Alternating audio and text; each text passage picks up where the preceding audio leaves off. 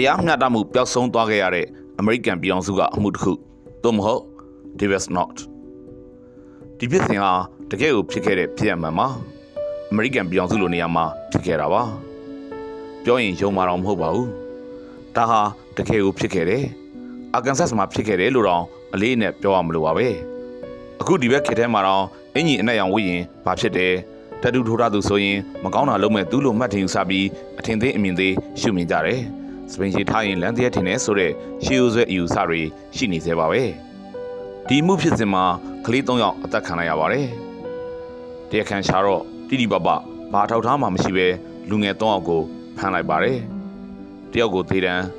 တယောက်ကိုတကြွန်းနဲ့နောက်ထပ်ထောင်ဒဏ်အနှစ်20အပြစ်ပေးပါတယ်ရဲတွေဟာမဟုတ်တန်လျာသက်သေတွေနဲ့ဒီမှုကိုတိစောက်ပြီးသူတို့တရားခံဖော်ထုတ်နိုင်ပါတယ်လို့ပြသခဲ့ကြပါတယ်ဒီနေ့ဒီချိန်ထိ အဲ့ဒီအမှုရဲ့တရားခံစစ်ကိုမဖော်ထုတ်နိုင်သေးပါဘူး။တန်တရားဖြစ်စရာကောင်းလောက်တဲ့တရားခံကမျက်စိရှိမှရှိနေတာတော့ရဲတွေကအမှုကိုပြန်မတိဆောက်နိုင်တော့တာဟာအံ့ဩဖွယ်ရာကောင်းလာပါတယ်။ဒါဟာတကယ်ဖြစ်ပျက်ခဲ့တဲ့အမှုခင်ပါ။1993ခုနှစ်မှာဖြစ်ပျက်ခဲ့ပါတယ်။ဒီအကြောင်းကိုဒေဗစ်နော့စ်နာမည်နဲ့ဇက်ကာရိုက်ကူးထားတာဖြစ်ပါတယ်။ဇလန်ကိုတိုတိုနဲ့လိုရင်းပဲပြောပါရစေ။ကောလင်ဖတ်နဲ့ Reese Witherspoon တို့တရုတ်ဆောင်နေတော့ ဒီဇက်ကားထဲမှာထည့်သွင်းထားတယ်ဆိုတာလောက်နေတင်ဇက်ကားကကြည့်ဖို့အတွက်တန်တွန်းချင်းမကတန်နေပါပြီ။ကလေးလေးတယောက်ကျောင်းကနေအိမ်ကိုပြန်လာပါတယ်။ညနေမှာတငယ်ချင်းတွေနဲ့စပီစီထွက်ပါတယ်။တောနယ်ထဲကိုစပီစီပြီးဝင်သွားပြီးတဲ့နောက်မှာအဲ့ဒီရှင်းနေအရွယ်လောက်ရှိသေးတဲ့ကလေးသုံးအောင်လုံးပျောက်သွားပါတော့တယ်။အဲ့ညမှာကင်းလည်နေတဲ့ရဲမေကိုစားတော့ဆိုင်တစ်ခုကလှမ်းတားပြီးသူတို့ရဲ့ဆိုင်ထဲကိုသွေးတွေပေးနေတဲ့လူမဲအမျိုးသားတယောက်ရောက်နေတယ်။ဒဏ်ရာတွေရရင်တာများလားမသိဘူးလာကြည့်ပေးပါလို့ခေါ်ပါတယ်။ ရဲမေကတာမန်လောက်ပြောပြီးကားကိုမောင်းထွက်သွားခဲ့ပါတယ်။အဲ့တော့အမေရိကန်ဆိုပြီးအထင်တော့မကြည့်လိုက်လေပါနဲ့။ကလေးတွေပျောက်နေတာကိုပထမဆုံးလိုက်ရှာရတာကမိဘတွေနဲ့အရက်ပတ်ဝန်းကျင်ပါပဲ။ကလေးရဲ့မိခင်ကညဘက်မှာရဲစခန်းကိုသွားပြီးဘာလို့လိုက်မရှာသေးတာလဲပျောက်နေတဲ့ကလေးတွေကိုလိုက်မရှာရတာဘာလဲညာလဲလို့ပြဿနာရှာတော့မှသူတို့လုံရိုးလုံစင်နေတိုင်းလုပ်နေပါတယ်ဆိုတဲ့အဖြေလောက်ပဲရဲရီစီကနေပြန်ရခဲ့ပါတယ်။အမေရိကန်ကရဲရီလည်းတကယ်တမ်းကျတော့အဲ့လောက်ပါပဲ။ အဲ့လိုအလုပ်လုပ်သလားလို့တော့ထင်ကျင်စရာပါ။နောက်တော့ရဲရီလိုက်ရှာပါတယ်။ရှောင်းအိုးထဲကနေအလောင်းတွေရှာတွေ့ပါတယ်။အလောင်းတွေ့ပြီဆိုတော့ရိုးရိုးသေးတာလားတတ်သွားတာလားစီစစ်ရပါတော့တယ်။ကလေးတွေကိုကျိုးနဲ့ရှိထားတဲ့အနေထားအရလူတတ်မှုဆိုတာသိကြနေပြီးသားပါညူမဲဆွဲဒဏ်ရာတွေကလည်းအလောင်းတွေစီမှာရှိလို့နေပါတယ်ဒီမှာကလေးတွေကိုဘယ်သူတတ်သွားလဲဆိုတဲ့တရားခံကိုလိုက်ရှာပါတော့တယ်တက်တဲ့အချက်လက်ခိုင်မာမရှိပဲ အသက်ရှင်နှစ်လောက်အရွယ်ကလေးလေးတယောက်ရဲ့ထင်ရမြင်ရပြောကြားချက်တွေအဲ့ဒီကလေးငယ်ရဲ့မိခင်ဖြစ်သူကပြောကြားချက်တွေ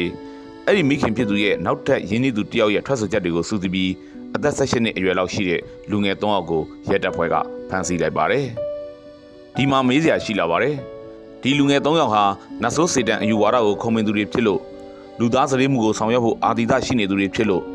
heavy metal သင်းတွေကစာသားတွေရဲ့လွှမ်းမိုးမှုကိုခံရသူတွေဖြစ်လို့အနဲ့ရောင်အင်ဂျီကိုနှိမ့်ချိုက်စွာဝှက်ဆင်သူတွေဖြစ်လို့ ဒါတွေဟာနတ်ဆိုးယူဝါဒအတွက်ထောက်ပံ့ဆက်ဆက်ပစ္စည်းတွေဖြစ်လို့စရိုင်းနဲ့ဆွဲချက်တင်ခံလိုက်ရပါတော့တယ်အဲ့ဒီမှာတင်အလွတ်ဆောင်ထောက်တယောက်က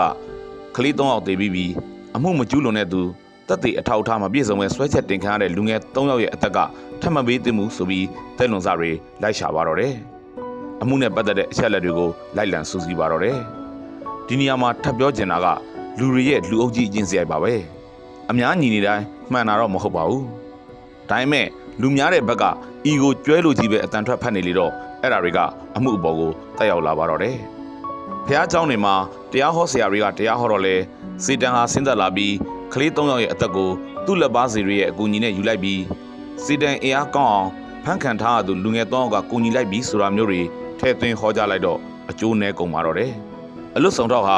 အမှုရဲ့လက်ကွက်ဟာကွက်လင်းချက်အကုန်ဒီပါကိုရှာဖွေပေးခဲ့ပါတယ်။တည်သွားတဲ့ကလေးတယောက်ရဲ့မိခင်ကလည်း အဲ့ဒီကလေးကသူ့ဘိုးပေးထားတဲ့ပစ္စည်းမို့ကိုနဲ့မကွာအမြဲဆောင်ထားတဲ့မောင်းချဓာတ်လေးကိုသူ့ရဲ့အိမ်ထက်ခုံမှာဟွက်ထားတာကိုရှာတွေ့ခဲ့ပါတယ်။အမှုတွဲထဲမှာပါတဲ့အဓိကတရခန်းလို့သတ်မှတ်ခံထားရသူနှစ်ယောက်ထဲကတယောက်ကိုရှင်းနေတွေကအရှုပ်ခန်းထဲကိုလာရောက်ညှိနှိုင်းပါတယ်။နောက်တစ်ယောက်လုတ်တယ်လို့ရုံးတော်မှာထွက်ပြီးဒါဆိုရင်တကြုံမကြပဲနှစ်20လောက်နဲ့ပြီးသွားမယ်။ချော့ရက်နဲ့ဆို10နှစ်နဲ့ပြန်လို့မယ်ဆိုတာမျိုးထွက်ပေးဖို့ရှင်းနေတွေကအဲ့ဒီလူငယ်ကိုလာရောက်ညှိနှိုင်းခဲ့ပါတယ်။ဒါပေမဲ့ တရခန်းကလည်းရှင်းပါတယ်။သူ့တငယ်ချင်းကိုသူ့ထက်ချက်နဲ့တေရင်းထဲကိုတွန်းမပုတ်ဘူးခံရင်အတူခံမဲလို့အကြောင်းပြန်လိုက်ပါတယ်အမှုမှာတက်သေးအထောက်အထားအချက်အလက်ခိုင်ခိုင်လုံလုံဘာတစ်ခုမှမပြနိုင်မဲနဲ့တရားသူကြီးဘက်ကနေထင်အောင်ထင်မှားတက်သေးတွေကိုလက်ခံပြီးအမှုစစ်ခဲ့တာကလည်းအံ့အားသင့်စရာပါပဲတရားခံဖြစ်ပါတယ်ပြစ်မှုကျူးလွန်ပါတယ်လို့လက်စုပ်လက်ကင်ပြစရာမရှိဘဲနဲ့ဒီလူငယ်လေးတွေကတယောက်ဟာစီရင်ချက်ချတော့စေးထိုးပြီးတတ်ဖို့တည်တံပေးခံလိုက်ရပါတယ် အစိုးရဘက်ကနေတက်သေးအဖြစ်ရက်တည်ပြီးမထွက်ပေးခဲ့တဲ့တယောက်ကတော့ထောင်ဒဏ်တစ်သက်တစ်ကျွန်းနဲ့နောက်ထပ်20ပြစ်ဒဏ်ချမှတ်ခံလိုက်ရပါတယ်အမှုပြီးဆုံးကနေ့မှာရဲတယောက်ကိုတရက်ခွင်မှာရှင်းနေတွေကစစ်ဆေးတော့အဲ့ဒီရဲကနေပြောလိုက်တဲ့စကားကဘာပြန်ပြောရမှန်းမသိအောင်ကိုဖြစ်သွားခဲ့ပါတယ်စားတော့ဆိုင်မှာတွေ့ခဲ့ပါတယ်ဆိုတဲ့လူမဲအမျိုးသားရဲ့သွေးတွေတခြားသောစစ်စစ်စရာပစ္စည်းတွေကိုရခဲ့တာမှန်ပါတယ်ဒါပေမဲ့အဲ့ပစ္စည်းတွေပျောက်သွားတယ် စေယုံစီကိုစစ်ဖို့အတွက်အဲ့ပစ္စည်းတွေကိုမပို့လိုက်ရဘူးဆိုတဲ့စကားမျိုးထွက်ပေါ်လာခဲ့ပါတယ်ဒီအမှုကို2009ခုနှစ်မှာတန်တရားဝင်စရာတွေများတော့တဲ့အချက်လက်တွေရှိနေတာကြောင့်အမှုပြန်ဖွင့်ပြီးစစ်ဆေးခဲ့ပါတယ်ဒီဒီချိန်မှာတော့တည်သွားတဲ့ကလေးတယောက်ရဲ့ဖခင်စီကနေသပင်သွေးစအတွေကိုယူပြီးစစ်ဆေးခဲ့တာပါတည်ဆုံးသွားခဲ့တဲ့ကလေးငယ်လေးတယောက်ကိုလက်နဲ့ရှည်တော့တွဲချီထားတဲ့ဖနက်ကျိုးနေရာကနေရခဲ့တဲ့သပင်လေးနဲ့တိုက်ဆိုင်စစ်ဆေးတော့ DNA ချင်းသွားတူနေတာကိုတွေ့ရှိခဲ့ရပါတယ်။ဒါပေမဲ့ အရေးယူရမျိုးတော့မလုပ်နိုင်ခဲ့ပါဘူး။အာကန်ဆတ်ကစားအုပ်ဆိုင်စီကိုသွေးအလင်းလေးနဲ့ရောက်လာခဲ့တဲ့လူမဲအမျိုးသားကတော့ရှာမတွေ့တော့အောင်ပျောက်ချင်းမလားပျောက်သွားခဲ့ပါတယ်။ဒါကတကယ်ဖြစ်ခဲ့တဲ့အမှုကိုအခြေခံပြီးရိုက်ကူးထားတဲ့ဇာတ်ကပါ။ဘယ်မှာဖြစ်ပျက်ခဲ့တာလဲဆိုတော့အမေရိကန်ပြည်ထောင်စုအာကန်ဆတ်မှာ1993ခုနှစ်တုန်းကဖြစ်ပွားခဲ့တာဖြစ်ပါတယ်။ဒီမှုရဲ့နောက်ဆက်တွဲဘာတွေဆက်ဖြစ်ခဲ့တယ်လဲဆိုတာကတော့ဇက်ကားမှာဆက်လက်ကြည့်ရှုဖို့တိုက်တွန်းလိုက်ပါတယ်။ ဒီဇက်ကားကိုကြည့်လိုက်ပြီးတဲ့နောက်မှာဆရာကြီးတကုံတာရဲ့မေဝတ္ထုအဖွင့်ကစာသားလေးကိုသွားပြီးသတိရလိုက်မိပါတယ်။အကောင်းကိုရှာဤအကောင်းကမရှိတော့ဆိုတဲ့စာသားလေးပါပဲ။အခုလဲဒီစာသားလေးကိုကိုးကားပြီးစကားတခုံးပြောလိုက်ရှင်ပါတယ်။တရားမျှတမှုကိုရှာဤတရားမျှတမှုကမရှိတော့ဆိုတာပဲဖြစ်ပါတော့တယ်ခင်ဗျာ။